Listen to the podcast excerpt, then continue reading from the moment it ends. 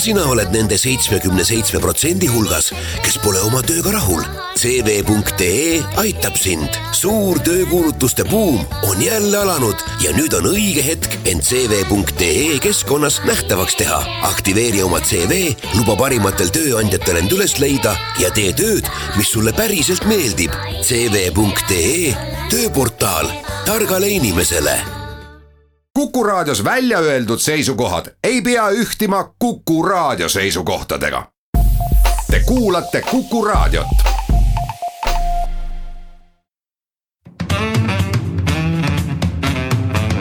muuli ja Riikoja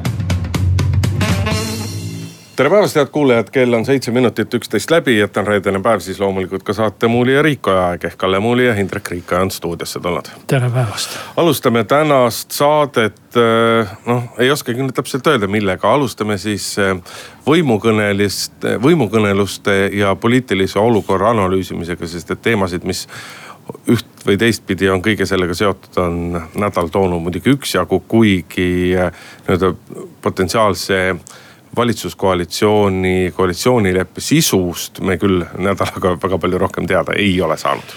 teiseks räägime ühest inetust tülist, mis on puhkenud siis Eesti naistearstide ja, ja seksuaaltervise harijate.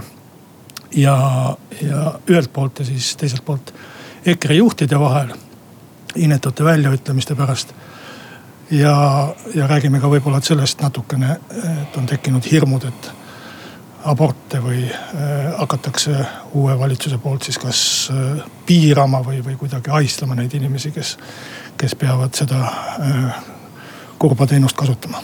räägime Eesti kindlasti mitte väga suurte, aga siiski väga märgiliste ettevõtete hulka sekka kuuluva Baltika tulevikust äh, värsket uudist edastas, mis sellel nädalal tulid, et Baltika loobub Eestis oma tootmise ja tõmbab kokku oma poevõrku ja vaatab oma ärimudelit ümber. ja viimase teemana siis räägime siseministeeriumi poolt ette valmistatud käsiraamatust käitumisjuhised kriisiolukordades, mis saadeti kõikidele inimestele meili peale, vähemalt nendel, kellel siis meili peal, meil on olemas. muuli ja Riikoja kui katsuda mõelda koalitsioonikõnelustele või nii nagu osapooled nende kohta ütlevad, koalitsiooni konsultatsioonide otsa, siis ega seal väga palju edenemist toimunud ei ole. nädalavahetusel istuti maas, nädala esimesel kolmel päeval istuti maas, aga kuna eilsest algas Brüsselist Euroopa Ülemkogu, siis peaminister Jüri Ratas on on Euroopa Liidu avarustes ja, ja siis loomulikult eh, konsultatsioone pidada ei saa, aga ega väga palju kuhugile nii-öelda nagu jõutud ei ole et.... ega kiiret ka ei ole, peab ütlema, sellepärast et Kaja Kallas on lubanud, et, et ta kõigepealt kasutab oma võimaluse ära. no räägime Kaja Kallasest eh, pisut, eh, pisut hiljem. üks, mis väga selgelt mõjutab või üks uudis, mis väga selgelt mõjutab konsultatsioon, koalitsiooni läbirääkimisi, läbirääkimisi, nimetame me neid siis kuidas tahame on selle nädala uudis ja tõdemus, mida on ka erinevad ministrid, sealhulgas ka Jüri Ratas tõdenud. et äh, tõenäoliselt tuleb tänavuse riigieelarve kallale minna, sellepärast et majanduskasv ja maksulaekumised tõenäoliselt ei kujune päris selliseks, nagu siin suvel ja, ja sügisel arvati ja mille põhjal siis ka eelarvet tehti. Ja see väga selgelt, kui ei tule nii palju raha, kui on loodetud või veel rohkemgi, see väga selgelt mõjutab ikkagi seda, milliseid lubadusi saab kirjutada koalitsioonilepingusse sisse, mida uut saab ära teha meie sant seis on muidugi selles, et ega me väga täpselt nii-öelda numbreid ei tea, järgmisel nädalal oodatakse rahandusministeeriumist äh, värsket analüüsi ja värsket prognoosi sellest, milliseks äh, milliseks kujuneb majanduskasv, inflatsioon ja selle tulemusel ka riigieelarve laekumised?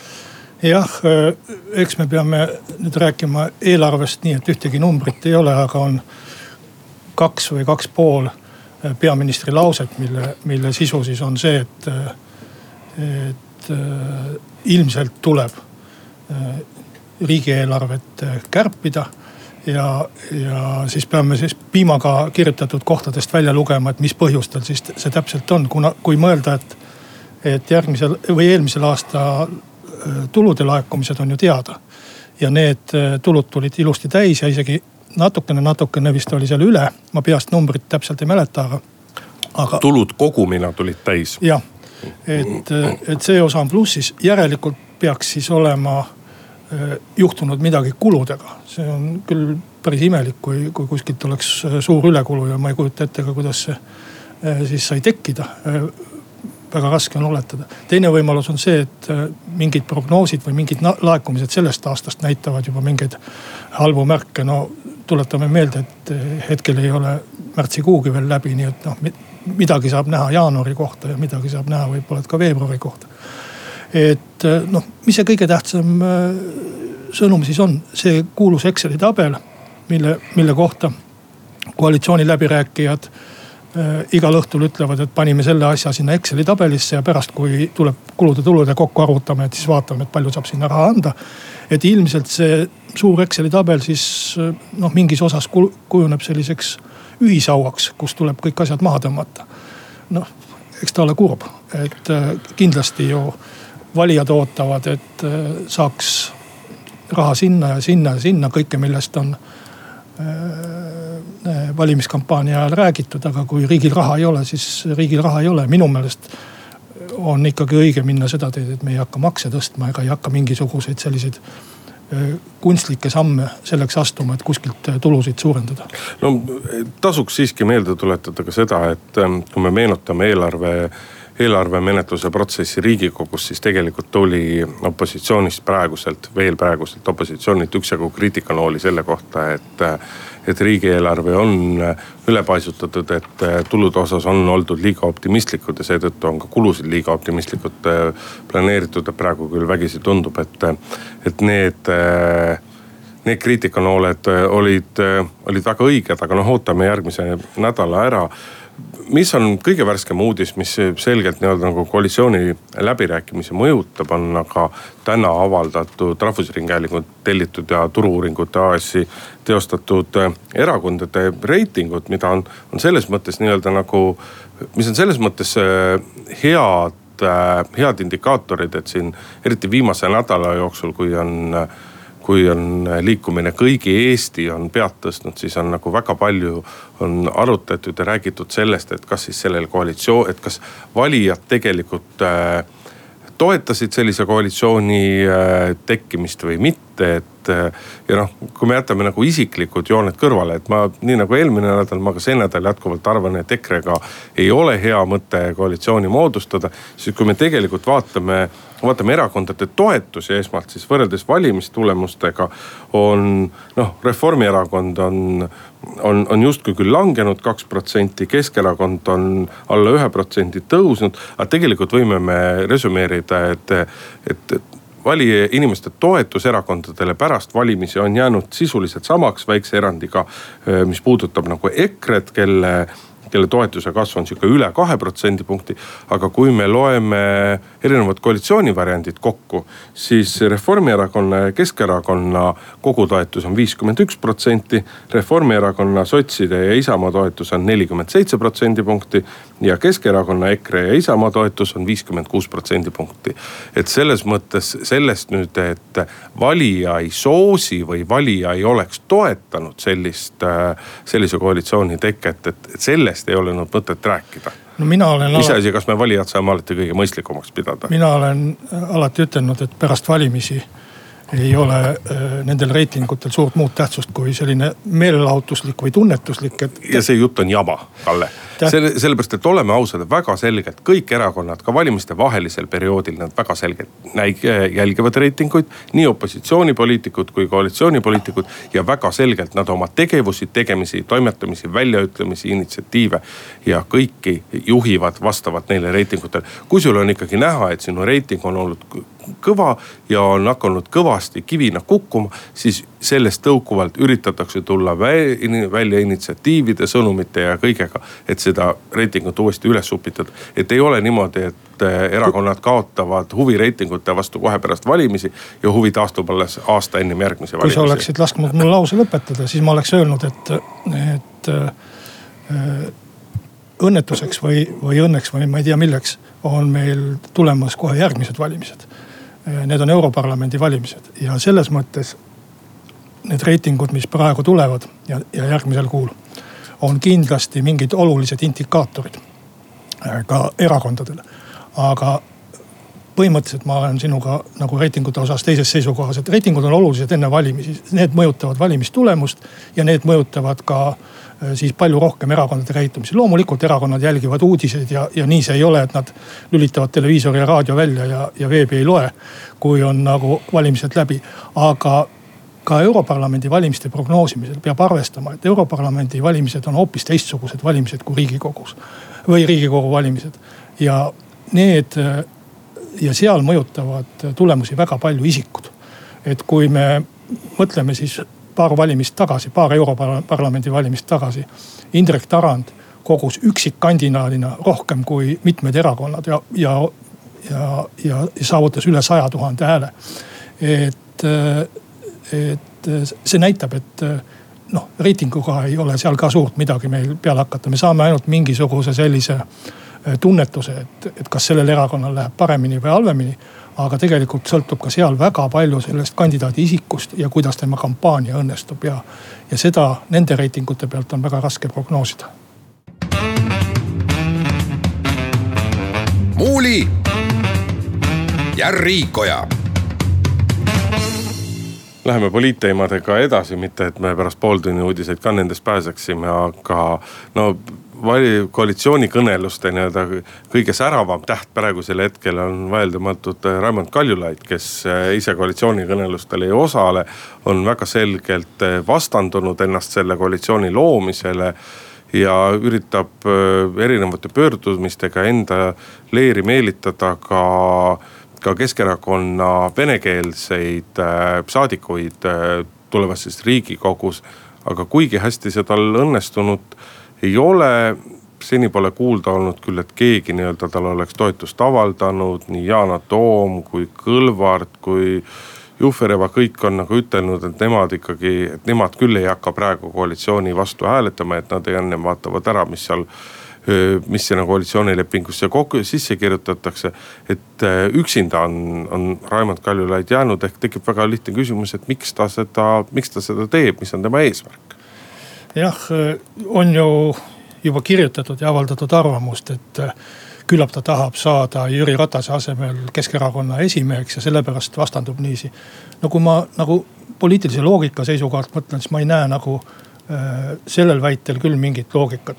Äh, vastanduda avalikult oma erakonnale äh, no on ju ilmselt näha, et ta jääb üksi. ja, ja miks peaksid äh, venelased tema taha tulema, ma ei saa ka sellest, äh, sellest mõttest vähimalgi kombel aru. no päris ilmselt see selles mõttes näha veel ei ole, et, et kuna me ei tea sellest koalitsioonilepingust tegelikult veel mitte midagi. ja ka oleme ausad, ka Keskerakonna, lõviosa Keskerakonna liikmetest ja ka nii-öelda tulevasest parlamendifraktsioonist sisuliselt ei tea sellest koalitsioonilepingust ma, ma olen sinuga nõus, et äh, koalitsioonileping on hetkel nagu to, äh, Boris Pasternaki raamat Doktor Živago, mida nõukogude tehasetöölised äh, kritiseerisid äh, hulga kaupa niiviisi, et keegi seda lugenud ei olnud ja ei saanudki lugeda, sest see ilmus välismaal. aga, aga äh, isegi kui venelased lähevad näiteks selle koalitsioonilepingu vastu ja Ratase vastu. miks nad peaksid olema Raimond Kaljulaiu selja taga, see on täiesti ebaloogiline.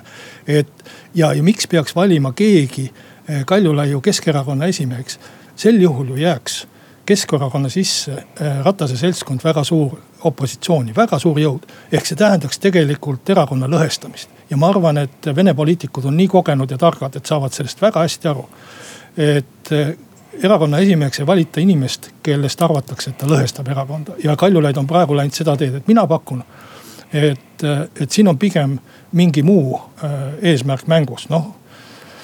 ütle no,, ütle, ütleme, kui jätame kõrvale selle variandi, et ta tõesti põhimõtteliselt on vastu ja, ja ohverdab selle nimel ka oma poliitilise karjääri. aga me ei tohi ja... seda, aga me ei tohi seda võimalust, ma saan aru, et sinul kui juba mõnda aega poliitikas olnud inimesel on, on raske uskuda, et, et poliitikas on ka nii-öelda aatelisi ja põhimõttelisi inimesi olemas. siis tegelikult neid on ja võib-olla Raimond Kaljulaid ongi üks nendest, kellele, kellele olemuslikult on ikkagi EKRE-ga koos valitsusse minek nii põhimõtteliselt nii-öelda nagu vastukarva. ja mul on talle väga raske vastu vaielda, sest et suur osa tema kriitikast EKRE aadressil on täiesti õigustatud. ja ega tõepoolest EKRE ei peaks valitsuskoalitsiooni kuulama. aga räägime siis nendest teistest variantidest ja minu meelest üks, üks, mis nagu tundub, on see, et ta provotseerib enda väljaviskamist Keskerakonnast. et, et ta tahaks nagu, et läheks märtrina või pauguna või, või mis iganes. ja no mis selle eesmärk või, või, või, või asi võib olla, ma ütlen, et see on täiesti spekulatsioon, mul ei ole selle kohta ühtegi bitti infot. ja ma vabandan Raimond Kaljulaia ees, kui see, kui ma eksin.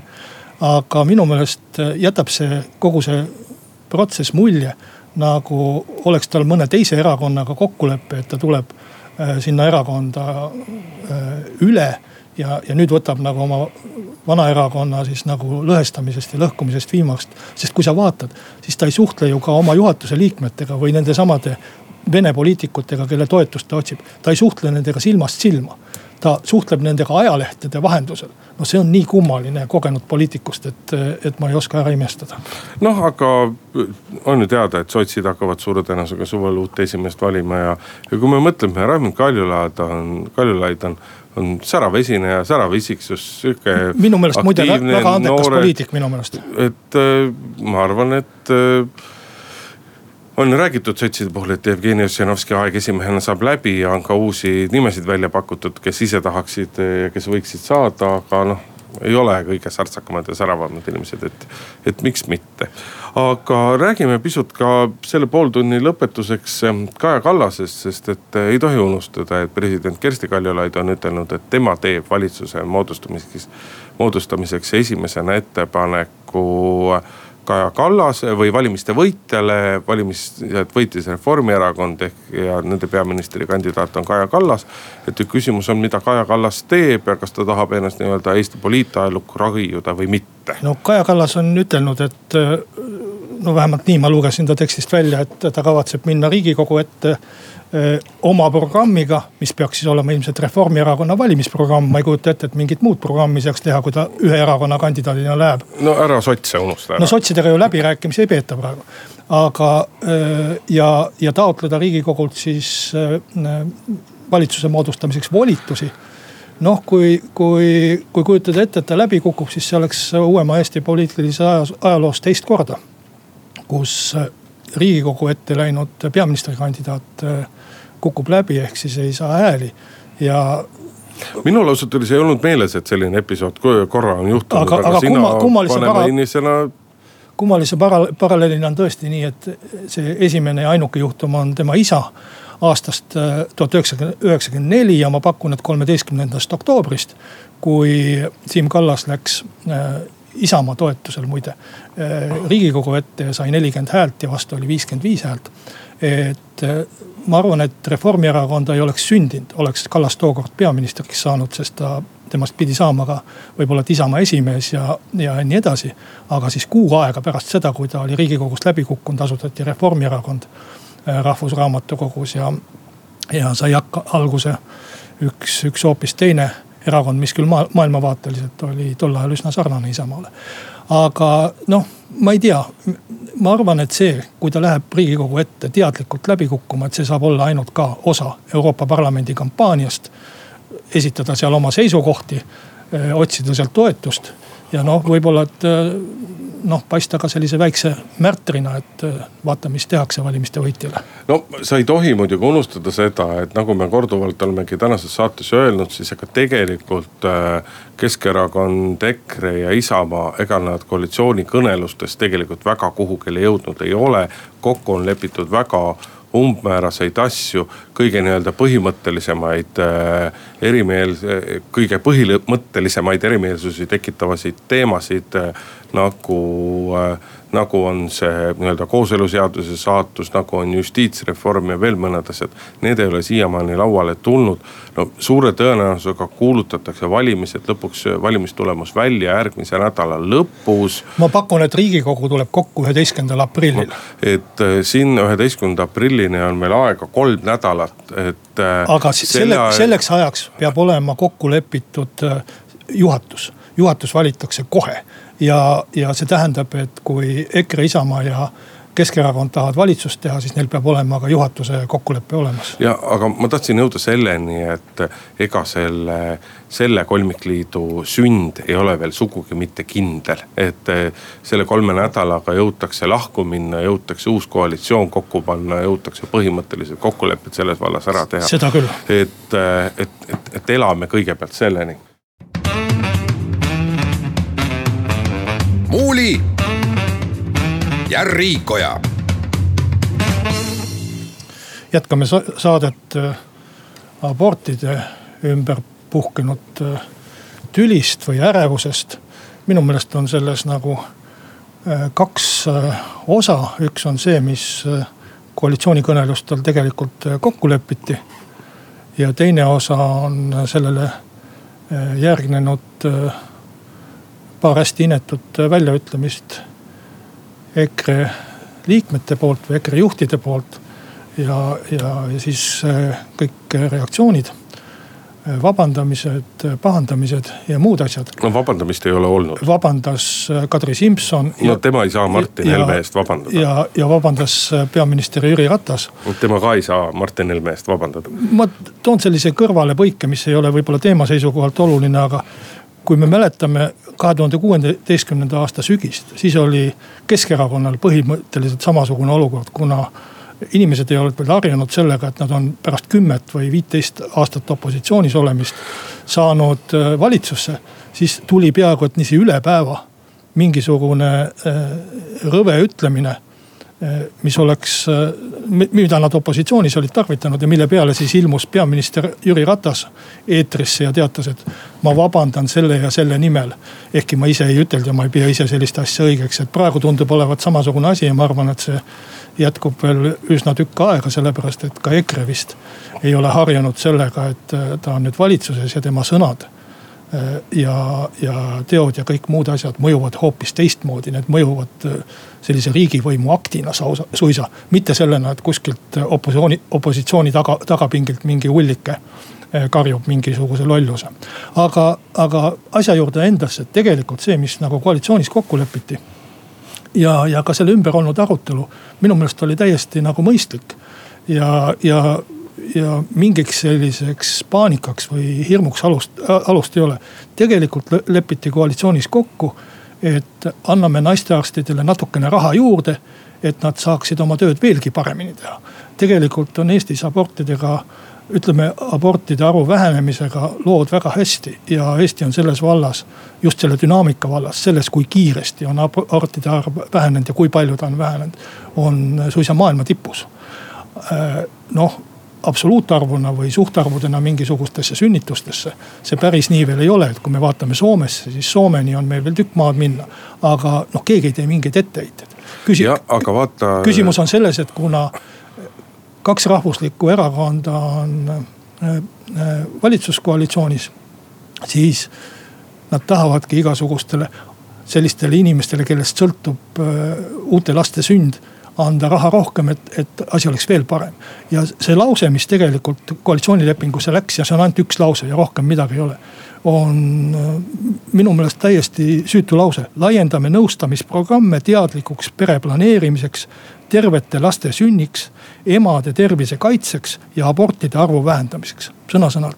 see, see tähendab eesti keeles, et anname, anname selleks raha juurde, aga kuna, kuna Exceli tabelit veel ei ole tehtud, siis ei saa ütelda, et palju me anname sinna juurde, kas me anname sada tuhat miljoni või kümme miljonit jah, aga sellele järgnes kohe ka Helle-Moonika Helme, kes pealtnäha justkui on lihtne riigikogu liige EKRE ridades, aga tegelikkuses, eks ole, ta on EKRE esimehe Mart Helme abikaasa ja, ja nii-öelda ikkagi väga olulise mõjujõuga inimene selles erakonnas. järgnes tema kommentaar, et koalitsioonilepingusse me seda sisse küll ei saanud, aga nüüd on oluline saada kätte vastava valdkonna ministriportfell. ja küll me siis seal juba rahastamisega saame selle asja niipidi suunata.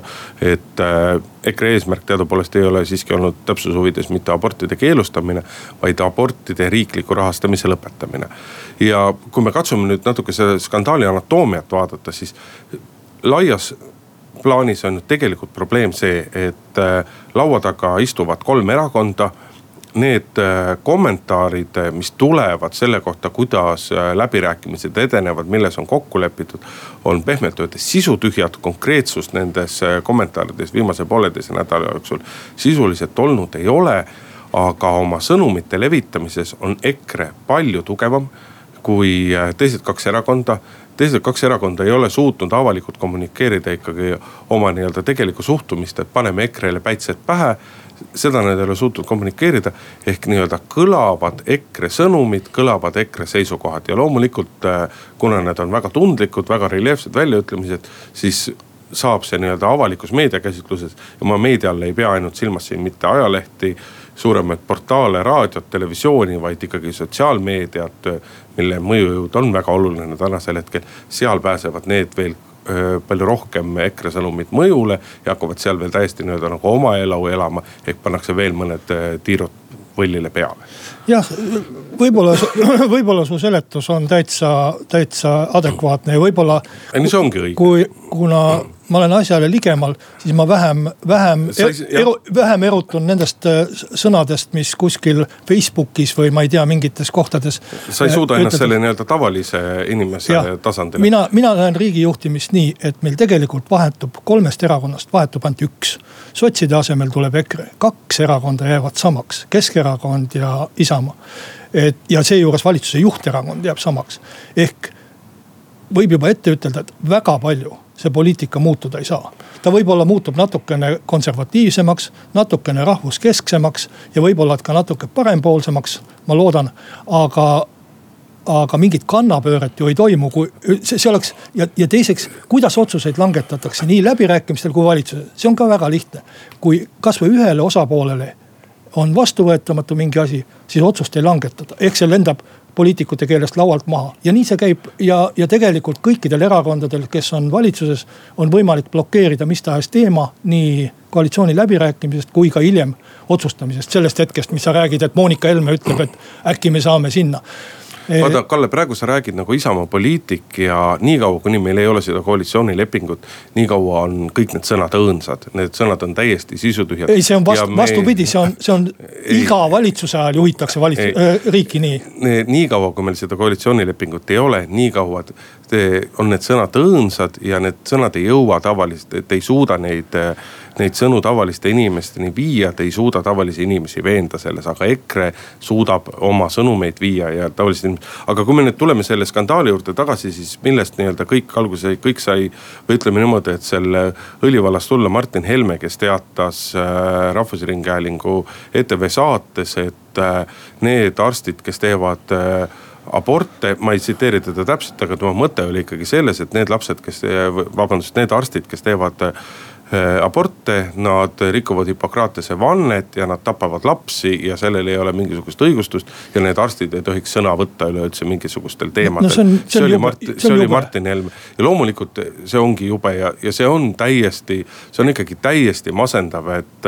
et olukorras, kus nädala alguses leheintervjuus Martin Helme teatab, et, et EKRE peabki oma nii-öelda retoorikas tagasi tõmbama, siis nädala keskel ta, ta räägib niimoodi arstide kohta, kes teevad oma tööd, kes on andnud antud, me, me võime igasuguste vannete üle, Hippokratese vannete, mis iganes vannete üle vaielda, kas need tohivad ajas muutuda, kas need ei tohi ajas muutuda, eks ole.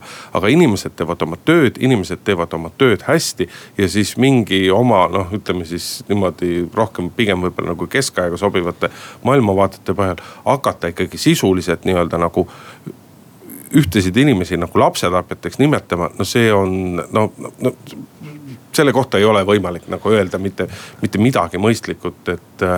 et, et kui me tõmbame paralleele Euroopaga, siis Euroopas normaalses arenenud Euroopas, Põhjamaades. ühe poliitiku karjäär saab läbi pärast selliseid avaldusi, aga, aga Eestis ja, ja, ja, ja kõik ja sellised avaldused tõstavad veel rohkem see küsimuse, et.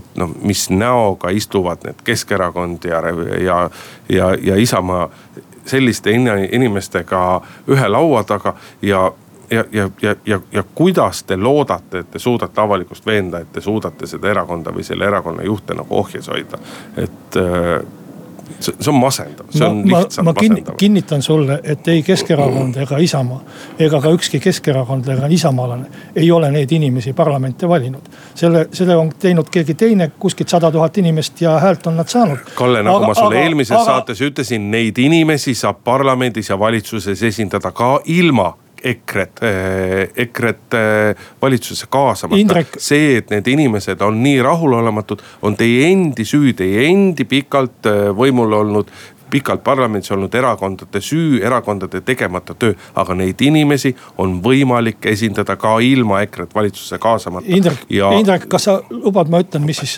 mis, kuidas elu edasi läheb. kui me nüüd ütleme saja tuhandele inimesele ma, ütlen, et nad võivad jääda ka opositsiooni ja, ja nagu sa isegi ütlesid, ega koalitsioonikõnelused ei ole lõppenud ja võibki juhtuda, et nad jäävadki opositsiooni. see oleks ka täiesti normaalne areng, midagi imelikku selles ei ole.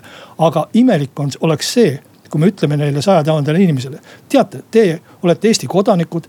Teie makske makse riigikassasse, aga teie esindajatega, kelle te valisite, meie üldse ei räägi me, me ei pea selles ei oleks mitte midagi mitte midagi ebaloomulikku, sellepärast et sinna juurde saab, saab alati neile inimestele öelda ja tegudega neile inimestele näidata, et me seisame ka teie eest. jah, ja, ja, ja mis siis juhtuks, oleks see et protest läheks veel suuremaks, väljaütlemised läheks veel kangemaks ja järgmises parlamendis, Indrek, oleks mitte enam ühe, üheksateist kohta, vaid ta oleks kakskümmend viis või kolmkümmend või kolmkümmend viis kohta. ei ole niimoodi. ja, ja kas sa arvad, et siis, siis on lihtsam Kalle, seda probleemi lahendada? mis sa räägid, kui sina või, või ütleme, mitte siis sina, vaid kui teised erakonnad suudavad valitseda nii, et nad näitavad neile inimestele, et nad hoolivad ja nad seisavad ka nende inimeste eest, siis ei teki sellest protesti protesti. ega inimestel tekib protest eelkõige sellepärast. sa räägid praegu sellist idealistlikku ta... juttu, et selge on see, et need inimesed on väga rahulolematud. Nad ja, on rahulolematud senise kasva... poliitika ja, ja seniste poliitikutega, et... aga kui need poliitikud, aga nende poliitikute asi peaks olema veenda neid inimesi, et me seisame ka nende eest. ja sa arvad, et sa saad veenda niiviisi, et ütled, et ma teie esindajatega ei räägi. ma välistan need teie esindajad ja siis, siis sa ütled, et me seisame teie ees. selle peale inimesed ütlevadki, aga võtke siis meie esindajad nagu valitsusse, kui te meie eest seisate. näidake tegudega, mitte ärge see, rääkige. see ongi üks tegu, millega me näitame, et me ei, nende inimeste ei, esindajatest ei hooli. ei, Kalle see on poliitiline demagoogia, mida sa räägid. Indrek, ma ütlen, et, et EKRE ei pea olema valitsus, EKRE võib väga vabalt olla opositsioonis, kui läbirääkimised nii lähevad. aga hoiak, et me hakkame parlamendis kedagi välistama. me välistasime pikka aega ühte inimest, see oli Edgar Savisaar ja ma arvan, et. mitte see... ühte inimest, vaid tervet erakonda seeläbi ja kõik see oli ja kõik kohe, oli täiesti kohe... fine, kõik oli täiesti lubatud, täiesti normaalne ja nüüd needsamad. kohe, kohe kui see erakond valis selle inimese erakonna, erakonna eest maha, sai see erakond ka valitsusse. et valis, välistati ainult ühte inimest, aga ma ütlen, et see välistamine oli küll õige aga ta tegi Eesti poliitikule, poliitikale ka väga palju kahju, sellepärast et meil tekkis üks suur erakond, kellel puudus igasugune valitsemiskogemus ja kui nad ükskord valitsema said, siis oli seal palju, palju nalja ja palju traagikat ja, ja üsna kurb oli seda vaadata.